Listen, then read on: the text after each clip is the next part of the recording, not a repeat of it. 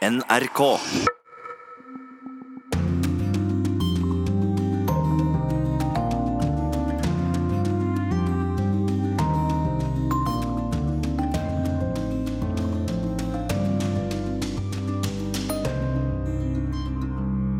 Velkommen til denne sommerutgaven av Urix på lørdag.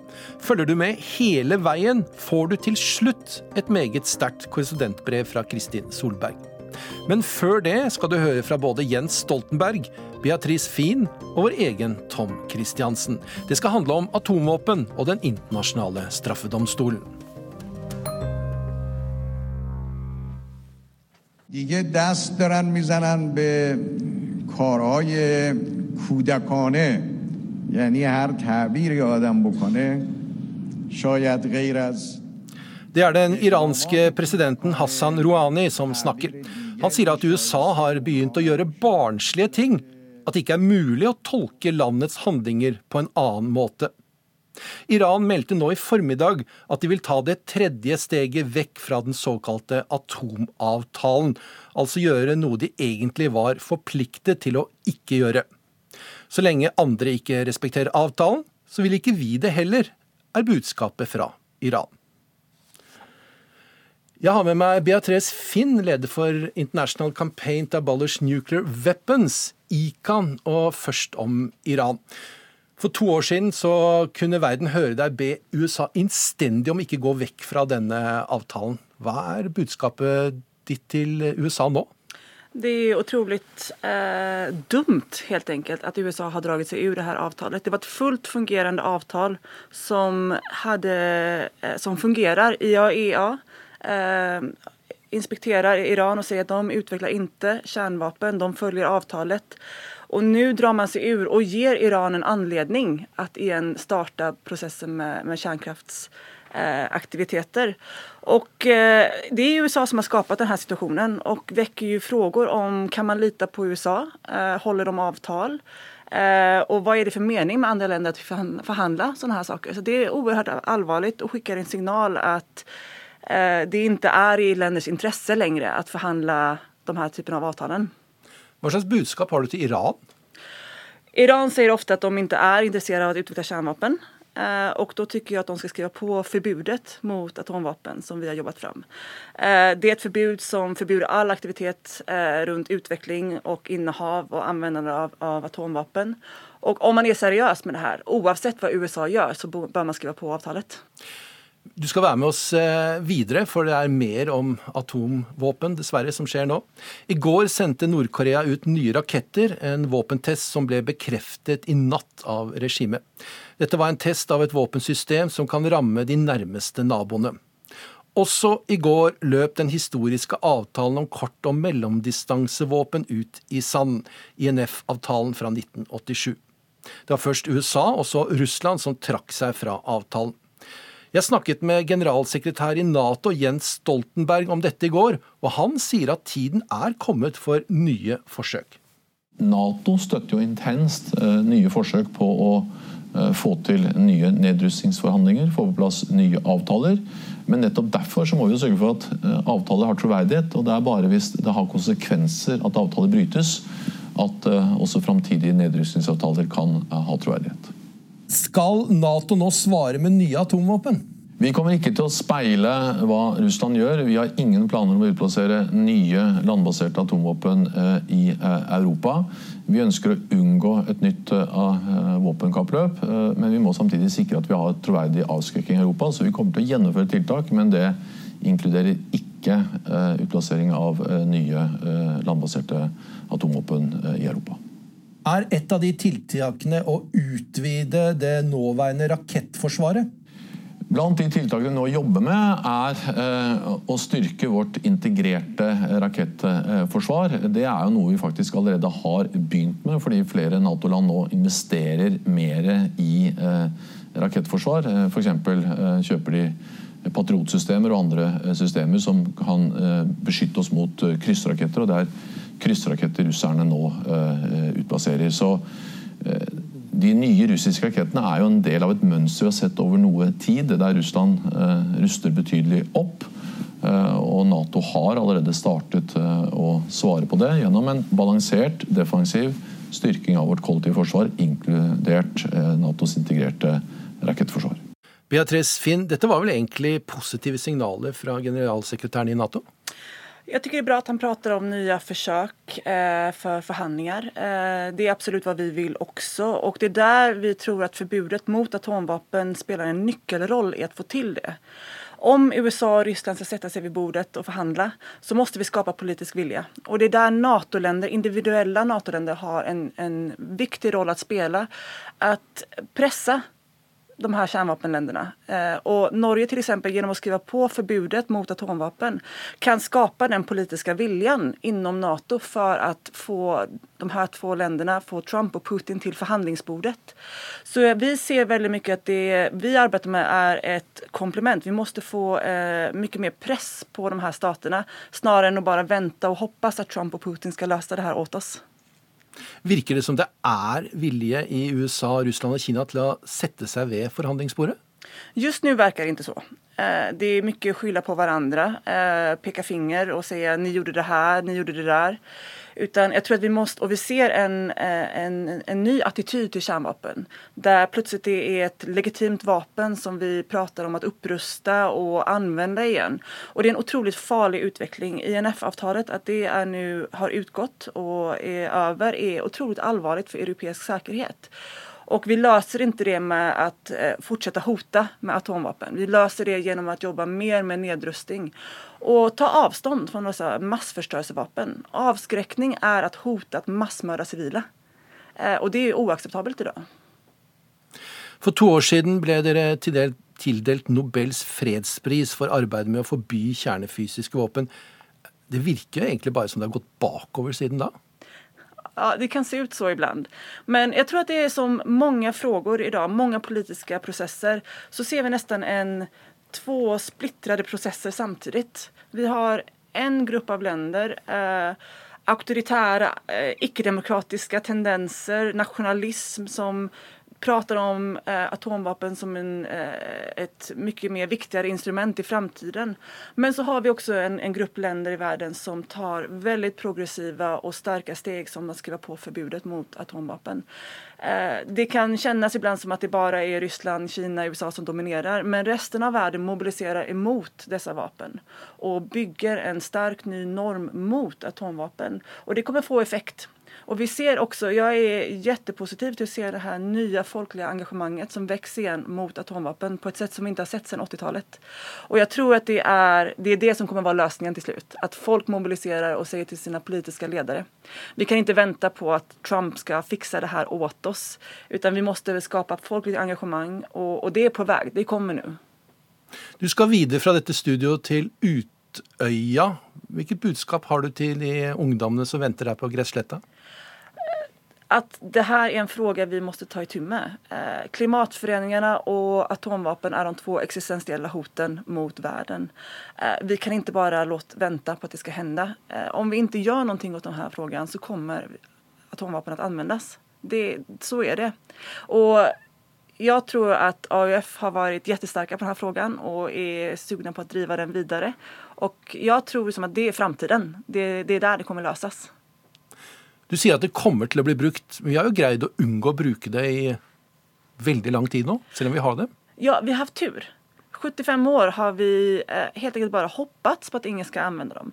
Vi vet nu från, eh, inte bara Kubakrisen hur nära det var, men även många olyckor och nära missar. Bara förra året hade vi i Hawaii en, så falskt alarm. Och vi vet från till exempel före detta försvarsministern i USA, William Perry, som blev väckt flera gånger mitt i natten har han vittnat om nu efterhand eh, med falska alarm. Och det, vad vi ser också i framtiden är, vi har fler kärnvapenstater än någonsin. Vi ser en högteknologisk utveckling i militären, cyberattacker, artificiell intelligens som kommer göra det attacker mycket mer osäkra vart de kommer ifrån, mycket snabbare eh, utveckling. Vi ser att risken för kärnvapenkrig ökar. Och om vi har de her för alltid så kommer det gå fel noen dag. Takk til deg, Beatrice Finn, leder i ICAN. Vi får håpe at du tar feil. Vi fortsetter om atomvåpen, og nå til russerne. INF-avtalen er borte, og det åpner for en ny kald krig. Det sier en russisk militærekspert til NRK. Med avtalen forsvinner tilliten og muligheten for USA og Russland til å kontrollere hverandre, blir det sagt. Russland er tvunget til å utvikle nye og avanserte våpen fordi Nato kommer stadig nærmere den russiske grensen. Dette budskapet har den russiske presidenten Vladimir Putin gjentatte ganger fremført det siste året. Han sier også at det er Vesten som truer Russland, og ikke motsatt. Vi ser nærmere på våpnene som den russiske lederen stadig skryter av, og hvilken effekt de kan ha. President Putin announced a new generation of weapons vastly superior to anything developed around the world.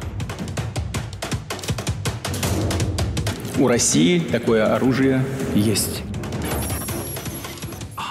Den statlige russiske TV-kanalen RT forteller sitt engelskspråklige publikum at president Putin har annonsert en ny generasjon våpen som er fullstendig overlegne i forhold til det andre land har utviklet. Og presidenten selv bekrefter at Russland har slike våpen. The Budovestnik nuclear-powered cruise missile is a unique weapon. It's basically the same as an American Tomahawk. Borivjesnik er navnet på en ny russisk krysserrakett. Ifølge RT er den et unikt våpen. Raketten drives av en atomreaktor og har ubegrenset rekkevidde. Og russerne hevder at den kan unngå alle typer antirakettforsvar.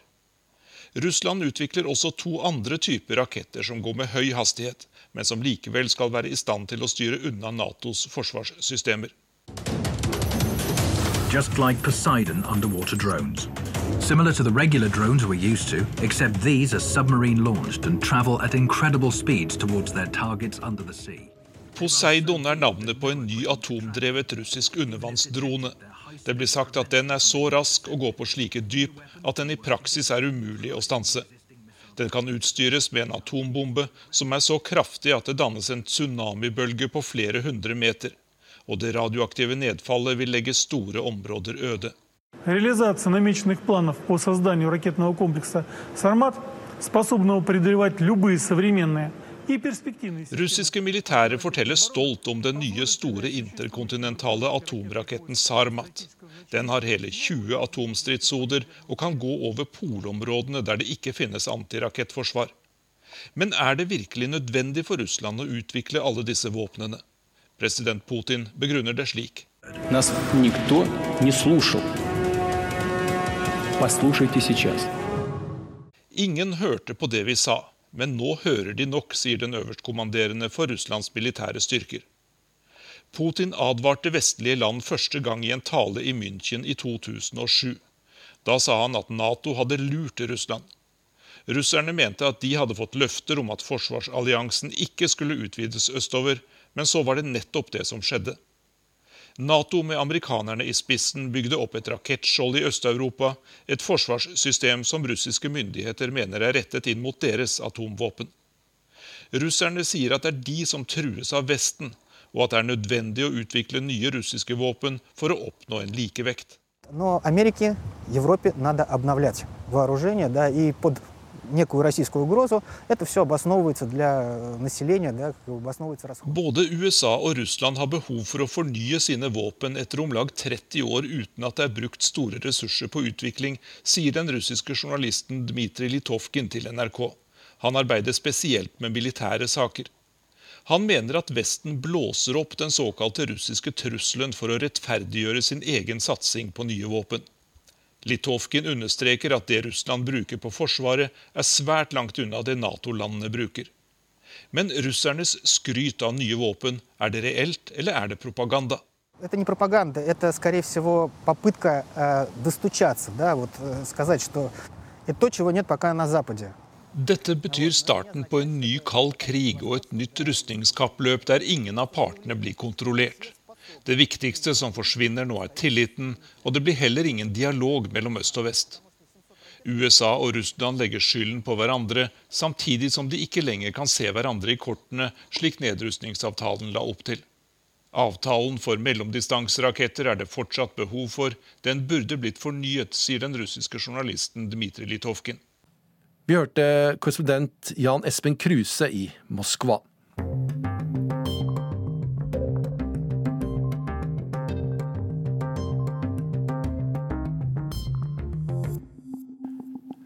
Nå skifter vi takt og tema her i Urix på lørdag. Nå skal det handle om Den internasjonale straffedomstolen.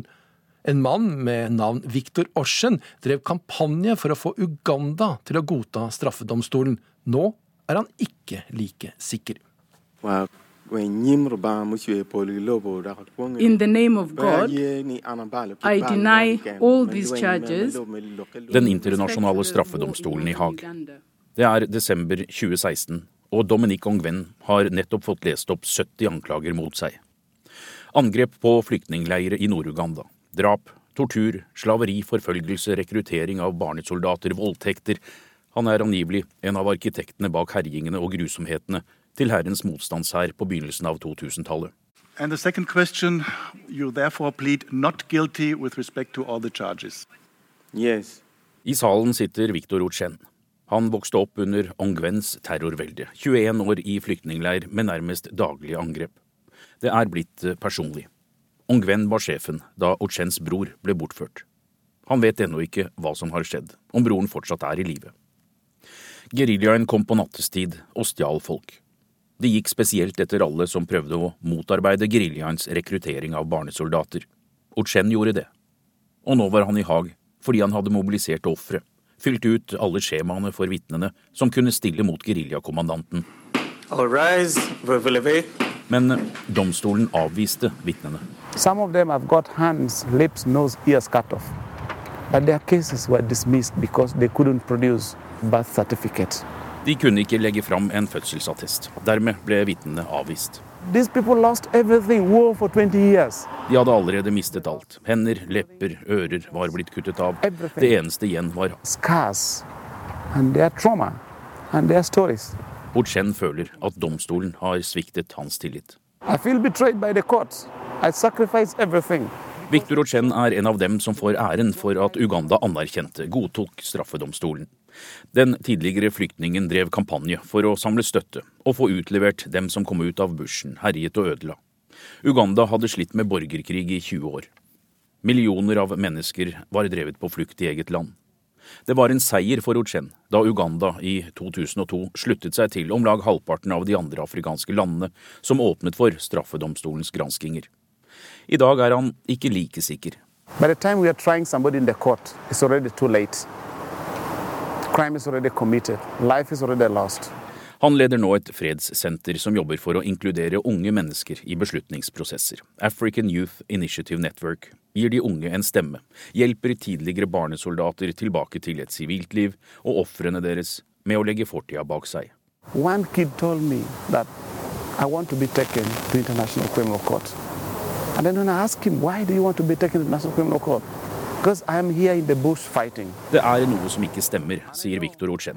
Når inntrykket unge har, er at straffedomstolen er et sted som kan gjøre dem til kjendiser, hvor de behandles bra og til sist kanskje også blir frikjent. Tidligere barnesoldater har fortalt meg at de begår verre overgrep bare for å bli tatt og sendt til Haag. It can turn red, it can turn green. But. Straffedomstolen har hatt flere høyprofilerte saker den siste tida der aktoratet har tapt. Kongos tidligere visepresident Bemba ble frikjent for overgrepene hans styrker sto bak i et naboland. Dommerne mente det ikke var lagt fram nok bevis for at Elfenbenskystens tidligere president Laura Bagbo hadde stått bak forbrytelser mot menneskeheten. I de 17 åra domstolen har holdt på, granskes 11 konflikter, 44 personer er tiltalt, under en håndfull er dømt for krigsforbrytelser. Those who hoped that justice would come through the ICC have not got anything. Ochen mener Dominic Ongwens snart tre år gamle rettssak trekker ut i tid, og han frykter at den kan skape ytterligere splittelse mellom folkegrupper i Uganda. That single person's trial has even more potential of provoking tribal tension in northern Uganda. Reporter her var Anders Tvegård.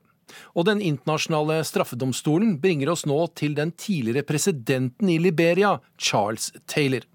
Og han kommer du til å høre mye om nå, for vi rydder plass i Urix på lørdag for Tom Christiansen og podkasten Toms afrikanske fortellinger. Jeg gikk ned til havet aleine her i Monrovia. Dønningene dreiv inn fra Atlanterhavet. Det er steikende varmt, og brisen kjølner ansiktet. Det er som bildet fra et paradis, men noe mangler. Ingen bader. Ingen soler seg. De hvite bungalowene i fjellsida er fraflytta. Palmene er kuttet opp til brensel. Ingen selger ris. Ikke en paraplydrink til salgs. Jeg snur meg mot byen.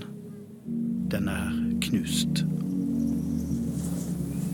Liberia ligner ikke noe annet. Dette er landet hvor kvinner gikk til sexstreik for å stanse krigen, og klarte det. Her kan en morder bli prest, og et barn bli massemorder. Toms afrikanske fortellinger.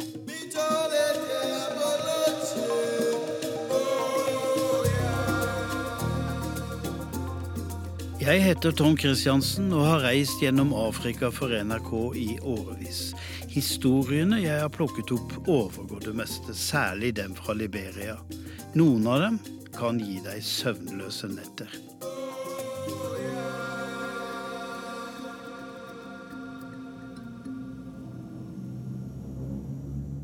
Det gikk ikke rutefly til Monrovia den gang på 90-tallet. Jeg måtte haike med et propellfly fra FN. Man bestakk seg gjennom flyplassen i nabolandet Sierra Leone og kom seg om bord neste dag. Det var bra om noen hentet deg på flyplassen i Monrovia. Landet hadde gått i oppløsning, og presidenten var drept, og militsene kjempet om å ta kontroll. Det smeller overalt, og det er bare ett hotell det går an å bo på. El Mazor drives av en libaneser som rømte fra det krigsherja Beirut for å få fred. Nå bor han i det eneste huset uten kulehull. Han har bare ni fingre. Den siste gikk da regjeringshæren skulle ordne opp med en av gjestene. Flotte hus er skutt i stykker, vinduer blåst ut, skur står på halv tolv. Det var her norske skip hadde registrert seg for å slippe skatt. Det eneste som er igjen av papirrederiene, er noen i stykker skutte postkasser.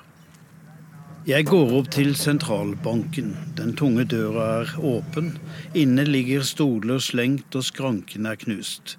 Hvelvet er åpent, men ikke en dollar er tilbake. Bare noen skjøter på verdiløse bygg. Rådhuset er like tomt og ubrukelig. Presidentens herskapshus ligger på en høyde mot havet, der Samuel Doe hadde forskanset seg. På baksiden går bakkene ned til byen forbi parlamentet, som er tomt og ubrukelig. I hovedgata står bilene parkert for godt. De er utbrent eller skutt i filler og blitt til lekeplass for unger. Folket sulter, men fremmelige barn selger smultringer så familien kan overleve. Ambassadene står med gjenspikrede vinduer, bortsett fra den britiske. Den er gjort til en ruin. For dagen før britene evakuerte den gangen 1990, holdt ambassadøren en sammenkomst hvor de skulle drikke opp det som var igjen i barskapet, og siden knuse porselenet. Han ville ikke risikere at tallerkener og kopper med dronning Elisabeth den annens monogram skulle bli solgt gatelangs. Folk som var til stede, glemmer det aldri. Da dannete britiske diplomater hev hundrevis av kopper og tallerkener i gulvet. Da krystallet ble smadra og de tråkket rundt i restene. De gikk amok i vanviddets Monrovia.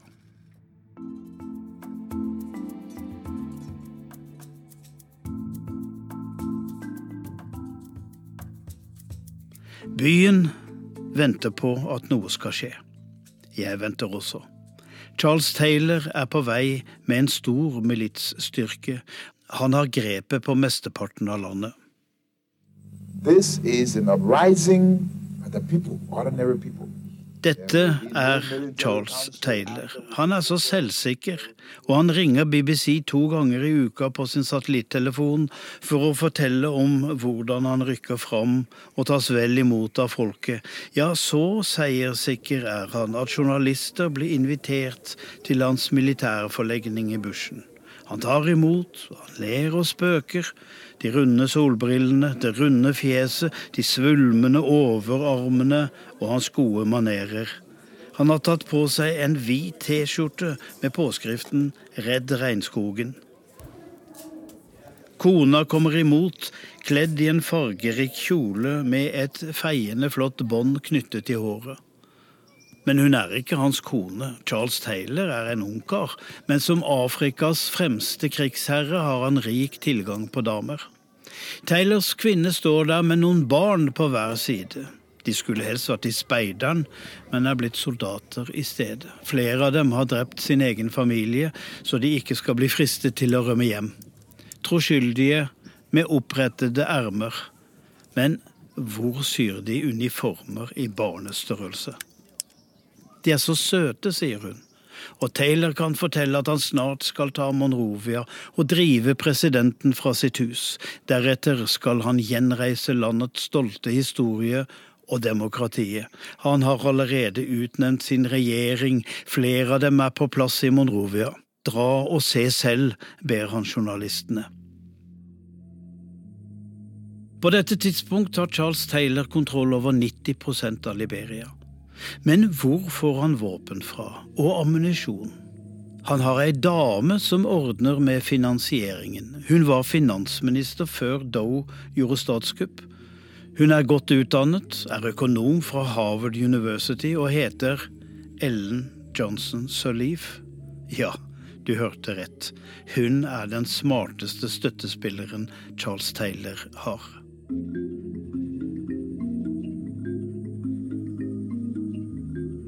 Liberia er jo ikke som andre land. I 1822 fikk frigitte slaver i Amerika et stort område i Afrika. De kunne reise tilbake til den verdensdel deres forfedre kom fra.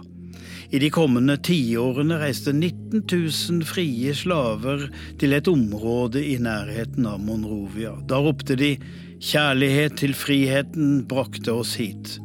Liberty, Liberia, frihet men det ble ikke som de hadde tenkt. De kalte seg selv Americo Liberians og tok etter hvert over alt. Og i dag er det fortsatt slik at det teller å ha en frigjort slave i slektstreet. I 1980 begikk Samuel Doe et statskupp. Han var den første president som ikke tilhørte de frikjøpte slaver. Charles Taylor var den smarte og oppvakte guttungen som skaffet seg utdanning i USA, som siden begikk underslag som tjenestemann i Monrovia, som rømte og fikk militær opplæring hos Muammar Gaddafi i Libya. Deretter vendte han hjem for å bygge opp en milits og en dag styrte president Samuel Does skrekkregime og selv bli president. Folk skjønte at det gikk mot slutten for president Doe den gang i 1990. Det var ikke kontroll med soldater og politi lenger. Folk ble torturert, fanger sperret inne i underetasjene av presidentens kontor. Folk håper at det er Charles Taylors milits som kan frigjøre dem fra Does terrorregime. Men Charles Taylor rekker ikke fram. Doe har bestemt seg for å gi opp. Han utstyrer en kolonne for å dra ned til den vestafrikanske fredsstyrken Ekomog og innlede forhandlinger. Slik kan han berge seg selv, få asyl i et annet land slik andre afrikanske diktatorer har gjort før ham. Det går ikke bra. Ikke langt fra fredsstyrken går det en vei opp i lia. Der oppe holder prins Johnson til med 200 soldater. Han er en militsleder, han også. Presidentens kortesje passerer like nedenfor. Prins Johnson legger seg på hjul med sine gamle biler med unge soldater på plass. Feltmarskalk Johnson, som prinsen kaller seg, sitter i en av de første bilene. De kjører rett gjennom sperringene til Lekomog og styrter inn. Maskingeværene dirrer i hendene på soldatene, og presidentens sikkerhetsstyrke faller om. De kaster granater inn i bygningen, og så får de øye på den vettskremte presidenten. Han har kommet seg inn i resepsjonen. Rundt dem Ute og inne ligger overlevende og døde. Blod, skrik, stønn, støvler. Prins Johnson griper Doe i skuldrene og haler ham ut. Doe har splintskader i beina og kan ikke gå. Han hives inn i en bil, og så raser de av gårde så røde støvskyer står. Det som nå skjer, har jeg sett på video og hørt øyenvitner fortelle om. Det er så grovt. De tar seg opp den svingete veien til Prince Johnsons base. Utenfor hovedbygget står en lekker bilpark av plyndrede ambassadebiler. Over døra et stort skilt. Der står det Prince Johnson, demokratiets lysbærer i Liberia. President Doe blir kledd naken ute på plenen og ydmykes med spark og slag. Avhøret er begynt.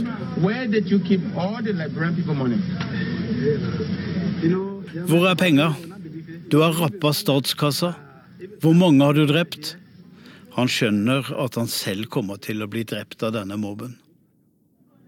Presidenten får beholde underbuksa som er gjennomtrukket av blod. Han lempes inn i bygningen og settes på gulvet i en mørk sal. Stoler med soldater står langs veggene. Oppe på et podium sitter prins Johnson bak et skrivebord. Nå skal presidenten dømmes, med prins Johnson som aktor og dommer. Doe sitter sammensunket på gulvet halvnaken. Johnson lekser opp presidentens ugjerninger og spør hva han har å si. Ikke noe svar.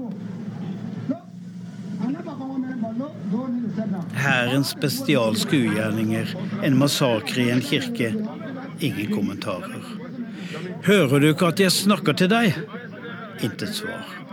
Johnson snur seg til sin kommandant. Han hører ikke, han trenger ikke ører, kutt dem av. De legger Doe ned og langsomt skjærer de av øret med en skarp kniv. Ikke et raskt hugg, Doe prøver å vri hodet fra side til side, men holdes fast. Soldatene sitter og står på ham. Han hyler og skriker. Blodet renner ned på det røde teppet. Så tar de det andre øret. Spar mitt liv! Spar mitt liv, Yomi! Ikke drep meg! Prins Yomi Johnson, det er hans fulle navn, har ingen hast. Det er blitt sein kveld, og Doe slenges i et kjellerrom. Han gråter hele natten av smerte, redsel og sinne, men ingen kommer for å befri ham.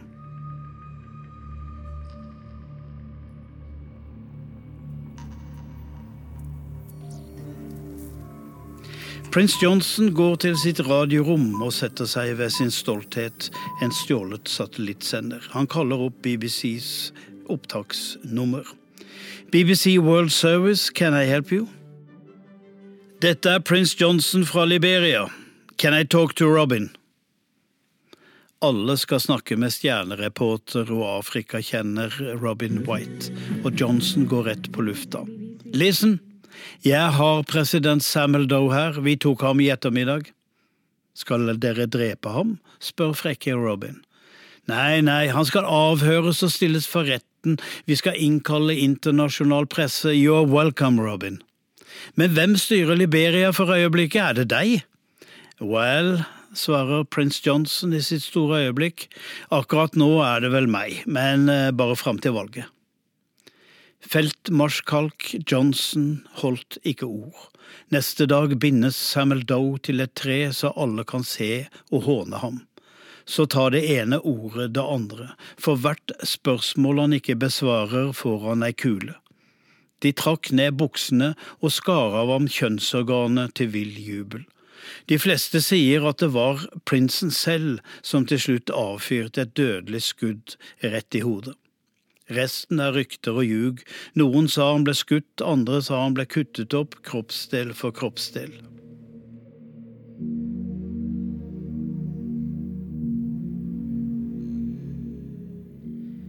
Noen måneder seinere sitter jeg i prins Johnsons store ballsal, der Samuel Doe ble avhørt. Det er kokende varmt i Monrovia, og alle klimamaskinene går for fullt i den dunkle salen, så Johnson kan beholde uniformen Han vil se ut som en virkelig geriljaleder. Jeg får ikke tak i blikket hans, øynene vandrer, han er høy og slank, men bare henger i kontorstolen. På bakveggen til venstre er det malt en freske av Jesus, på den høyre en freske av ham selv. Han gjør V-tegnet, men har noe i hånden. Jeg kikker nærmere på maleriet og ser at det er en engangslighter. Uh, you see the man with his cross, big cross. You think he's a godly man. You think he's a reverend or bishop. And when you da, da, da, da, da, you see that? Han snakker i vei til 50-60 mennesker som har tatt plass på stolene. Jeg prøver å fange hans oppmerksomhet. Til slutt må jeg sette meg på skrivebordet og spørre. Var det du som skjøt Doe? Det er beskyttet informasjon. Men hvor er soldatene dine? De er ute og trener. Vi er en fredselskende milits, men vi må holde oss i form. Han lukter alkohol. Han har et alkoholproblem. Folk sier han i perioder er psykotisk. Han har personlig skutt en hjelpearbeider med journalister som publikum. Han har drept en tilfeldig sjåfør mens han passerte i sin bil. Ute er det søvnig ettermiddag. Kvinner i fargerike kjoler sjokker av gårde med vasketøyet. Noen tolvåringer vil snakke med den hvite gjesten. Jo, de var der da presidenten ble drept. Det var stort, altså. Og hvor er han begravd, spør jeg. De følger meg ned i veien og peker der. Ingen markering, bare et gjengravd hull i bakken. Og hva skal han selv bli når han blir stor? De fleste unger i Afrika vil bli lærere, leger eller advokater, men 15-åringen Sam skal bli soldat, akkurat som sin far og som prins Johnson. Jeg liker lyden av maskingevær, sier Sam. Her er intet å gledes over. Kanskje bortsett fra en sportsnyhet fra Europa. Fifa har kåret George Vea til årets spiller for 1995. Vea kommer fra Liberia. Nede i byen er politikere lett tilgjengelige. Det er rigget opp en paviljong hvor en overgangsregjering skal sitte. I husene rundt holder geriljabevegelsene til de har sendt sine representanter. Det er her jeg treffer Charles Taylors skyggeminister for forsvarssaker. Langs veien står utbrente ambassadebiler med kulehull. På forkontoret i et enkelt hus sitter det altfor unge jenter med altfor korte skjørt. De er ikke sekretærer eller soldater, de er bare til disposisjon. Midt i dette kaos av krig og søppel finnes det et lite akvarium av stil. Jeg sitter på hans kontor, og han har dress og slips. Jeg tror han trives bedre i uniform. Skjorta er for trang eller ministeren for tjukk, men jeg husker navnet hans. Tom Wue-Vi-Yu. Liberia-engelsk er et språk nesten uten konsonanter, så etternavnet uttales Where were you? Han har ansvaret for Charles Taylors barnesoldater. Han snakker med en dyp, grøtet stemme, men er vennlig og entusiastisk. Hør, min venn. Um, at, at 10, AK-47 is just uh, about a, a 10-15 pound gun. If he can hold it and make sure that somebody doesn't kill him, et barn har den samme rett som et hvilket som helst annet individ til å forsvare seg, ikke sant? Fra den dag et barn er i stand til å løfte et balltre, er det et våpen som barnet har rett til å bruke i selvforsvar. Ikke sant? Han formaner. Ikke glem hvor du er, mister. Dette er ikke det trygge Europa. Likevel innvender jeg, maskingevær for tiåring er ikke det Ministeren avbryter. Ethvert barn som kan bruke et maskingevær, har rett til å forsvare seg med et maskingevær. Sa du ti år? Jo, det er for tidlig.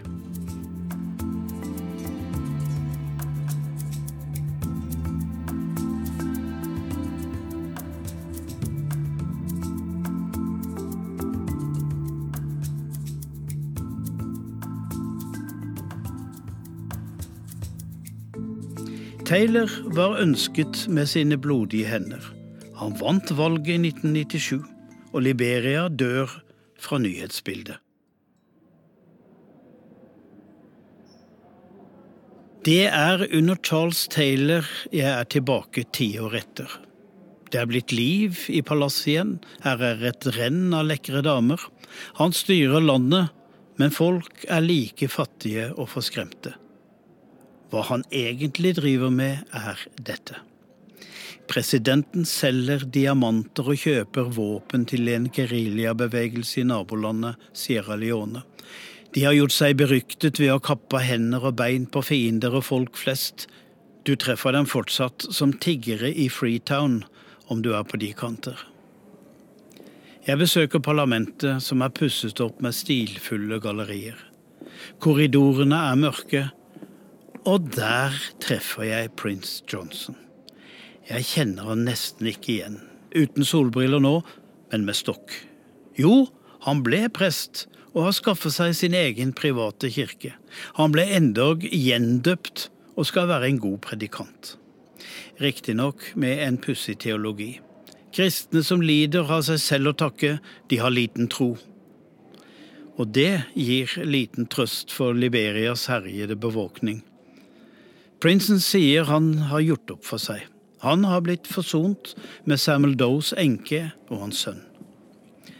Og her kommer Tom Where Were You. Nå er også han senator. Han var jo Taylors medarbeider, men brøt med sjefen da Taylor drepte en venn av han og drakk blodet hans. Jeg minner ham på hva han sa sist, at er du stor nok til å holde et balltre, kan du skyte med maskingevær. Det har jeg aldri sagt, feier han meg av. Nede ved Fisketorget leder Leima bønnen og sangen for flere hundre hvitkledde damer. We, the Liberian women, we are tired of the killing of our people. We can do it again. Det er hun som satte i gang sexstreiken for fred. Hun sa til Liberias menn, dere får ikke stellet deres før det blir fred. Taylor skjønte sikkerhetsrisikoen ved å ha noen millioner kåte, frustrerte menn gående løs, og dro til fredsmekling i Ghana. 200 kvinner i hvite kjortler dro etter, de okkuperte forhandlingsrommet og nektet å fjerne seg før en avtale var undertegna. Og dersom noen av delegatene truet med å forlate bordet, ja, så ville de kle seg nakne. Mennene var til slutt helt fortvilet og de presset Charles Taylor til å undertegne. Leima Gebowi, sosialarbeideren som ledet streiken og som truet med å strippe, hun møtte jeg igjen i Oslo i 2011. Hun var der for å motta Nobels fredspris, sammen med Ellen Johnson Sirleaf.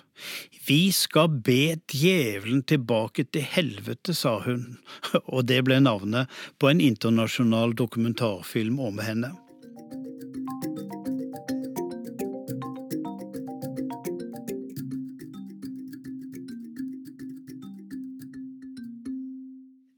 Så blusser konfliktene opp igjen. Militser kommer fra nord og sør. De verste kommer utenfra.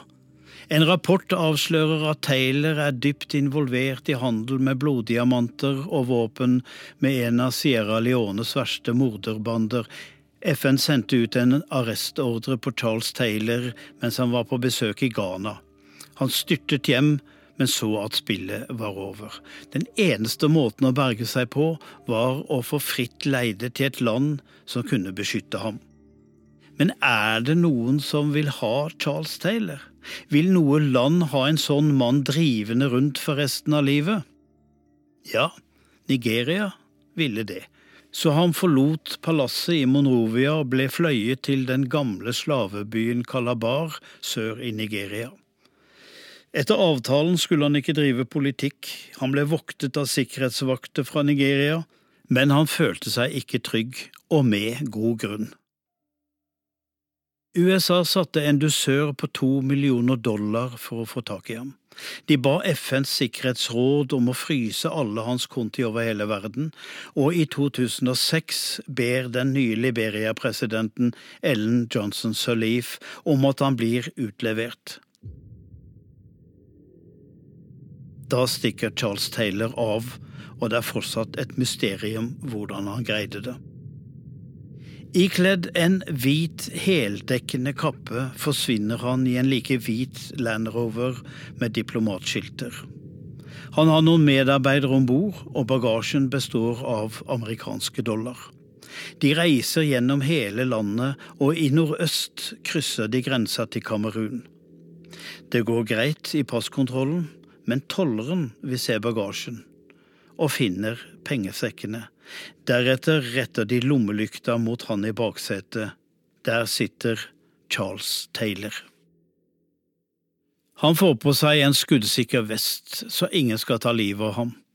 De flyr Taylor til Monrovia i Liberia, deretter til Freetown i Sierra Leone og til slutt til Haag, der det var tryggest å avvikle rettssaken.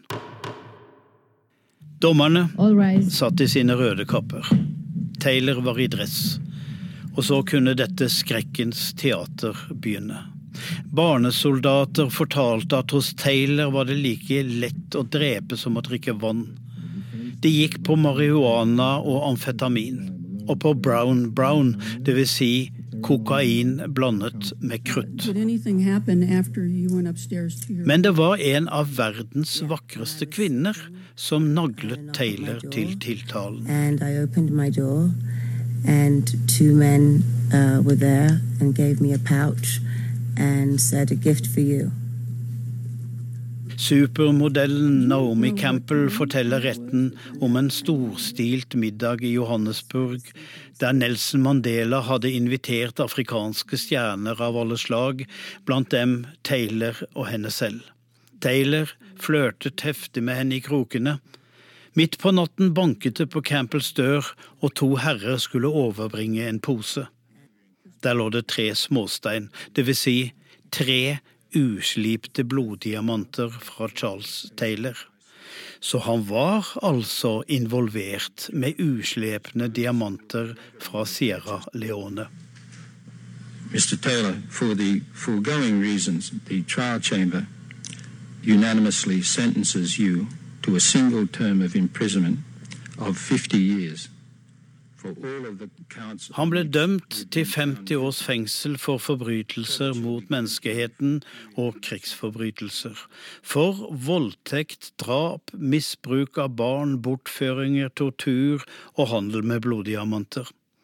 Han soner i et fengsel i Durham, og det siste vi hørte fra ham var en appell om å bli overført til et fengsel i Rwanda, der vil han være nærmere familien. Så, hvem skal styre Liberia da?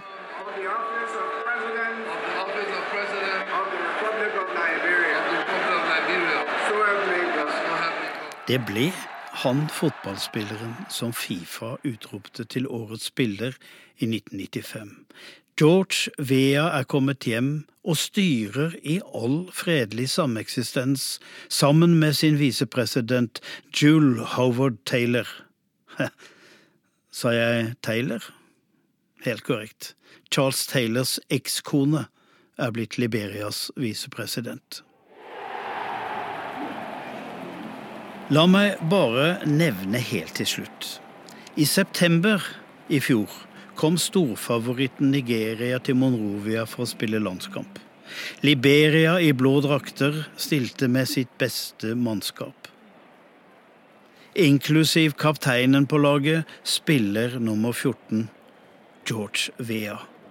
Presidenten gikk på banen i det 38. minutt. Han ga en fin pasning til en spiller som dessverre var offside, så det ble 2-1 til Nigeria.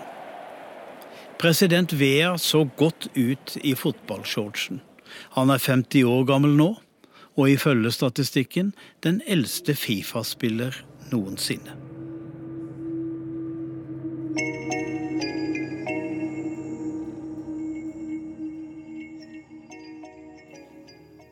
Så nærmer vi oss slutten, men brevet gjenstår. Det har jeg spart til slutt. Det er en personlig og dypt tragisk beskrivelse vi nå skal høre. Ført i pennen av Kristin Solberg. Stedet er Egypt. Han festet blikket på meg der han lå på gulvet en augustdag. Noen sekunder tidligere var han blitt båret inn i moskeen av fremmede. Ingen visste hvem han var eller hva han het. Utenfor hørtes lyden av skuddsalver. Her inne forsøkte legene å redde livet hans. De la hendene på brystet, presset det taktfast mens de snakket høyt med hverandre. Noen ropte, flere strømmet til. Han hadde et hull i midjen der en kule var brutt seg inn i kroppen. Sirkelen av blod under ham på gulvet ble større og større mens legene jobbet. De hadde ikke mye mer enn bandasjer og Paracet, for dette var et provisorisk feltsykehus. Det var ikke utstyrt for å håndtere alle disse hardt skadede. De drepte ble båret opp i etasjen over. De lå der og stirret opp i taket mens varmen forlot kroppen. Blant dem et barn, kanskje tolv år, med strupen kuttet over. Jeg er vanligvis ikke en person som liker å se fremmede inn i øynene. Det er altfor intimt, utleverende, liksom. Men mannen på gulvet var i ferd med å dø, og han hadde ingen andre, så jeg gjengjeldte blikket i håp om at han på et vis skulle føle seg mindre ensomt. Skjønt, i døden er vi jo alle alene, kanskje er vi aldri mer alene enn da, uansett hvor mange som står rundt oss. Først var blikket hans sterkt, så ble det fjernere og fjernere. Jeg stirret ham inn i øynene og forsøkte å holde det igjen. Jeg kunne kanskje ha konkludert det av blodpølen på gulvet eller den stille intensiteten i legenes arbeid da de sluttet å rope. Men det var i blikket jeg så at livet hans ebbet ut. Fra å se direkte på meg seg det gradvis innover i ham selv til det bare ble borte, tomt. I månedsvis etterpå så jeg øynene hans hver gang jeg lukket mine egne. Det var Kairo, august 2013. Da skjedde noe av det verste jeg har dekket som journalist, og hvert år i august så husker jeg det spesielt godt. Det blir kalt Rabba-massakren, etter Rabba al-Adawiya-moskeen der det skjedde. Noen uker tidligere var president Mohammed Mursi blitt avsatt i et militærkupp som hadde en del støtte i folket. Mursis støttespillere demonstrerte utenfor Rabah-moskeen, der det var titusenvis av mennesker som satte opp teltleire og nektet å flytte seg før Mursi ble president igjen. Til slutt rykket hæren inn for å fjerne dem med makt. Ingen vet hvor mange mennesker som ble drept i Kairos gater på bare noen få dager. Anslagene varierer, men ligger ofte på over tusen. Jeg så mange av dem dø og etterpå så jeg dem igjen i moskeer som var omgjort til provisoriske likhus. De lå på gulvet med kulehull i bryst, hode og nakke. Noen dekket med digre isblokker for å forhindre at de råtnet i augustvarmen. Familiemedlemmene sa at de ikke fikk tillatelse til å gravlegge dem før de skrev under på at dødsårsaken var selvmord. I én moské mistet jeg tellingen etter 174 lik. Nye kom til for raskt til at jeg klarte å henge med. Det var august, og etterpå, på hotellet, dusjet jeg av meg liklukten. Men den forsvinner aldri helt. Når den først er pustet inn, blir den værende. Den borer seg inn i porer og sinn, og nå er det august, og den er her igjen. Sokkene mine hadde tråkket i blodet til hundrevis av drepte, der jeg hadde gått uten sko i moskeen. Det syntes ikke så godt, de var svarte. Men selv hvis jeg vasket dem, ville de aldri bli rene. De ville bli lagt nyvaskede tilbake i sokkeskuffen og der blande seg med alle de andre svarte sokkene, og jeg ville for alltid føle at jeg tråkket i døde menneskers blod. Men jeg fikk meg heller ikke til å kaste dem, som om de var et slags bevis på hva som hadde skjedd.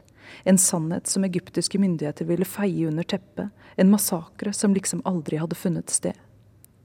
Så de ble liggende der, på gulvet i et hjørne, ved siden av søppelbøtten. Det er august, og de augustdagene lå jeg i senga og fikk ikke sove. Jeg vred meg i svette laken til lenge etter morgenbønnen fra moskeen utenfor.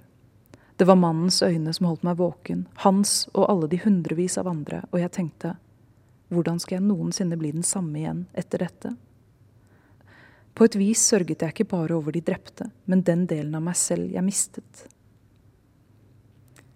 Det er august, seks år er gått, og man blir den samme igjen, bare en litt annen versjon. En versjon med færre illusjoner, en som vet mer om menneskets evne til å drepe, og om storpolitikkens kynisme. Jeg forsøkte å fortelle om massakren til egyptere som støttet militæret, men de ville ikke lytte.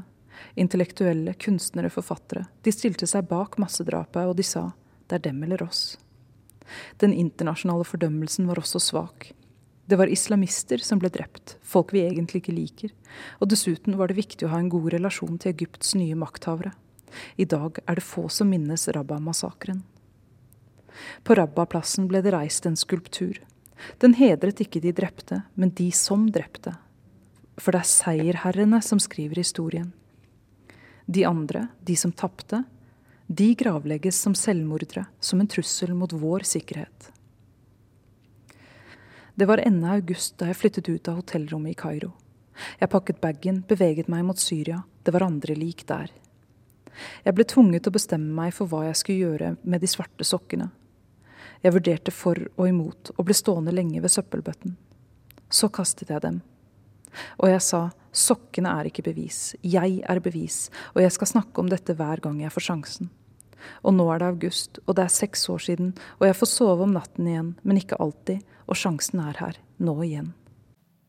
Urix på lørdag er over for denne gangen. Teknisk ansvarlig var Stein Nybakk. Produsent Ingvild Ryssdal. Og i studio Halvard Sandberg.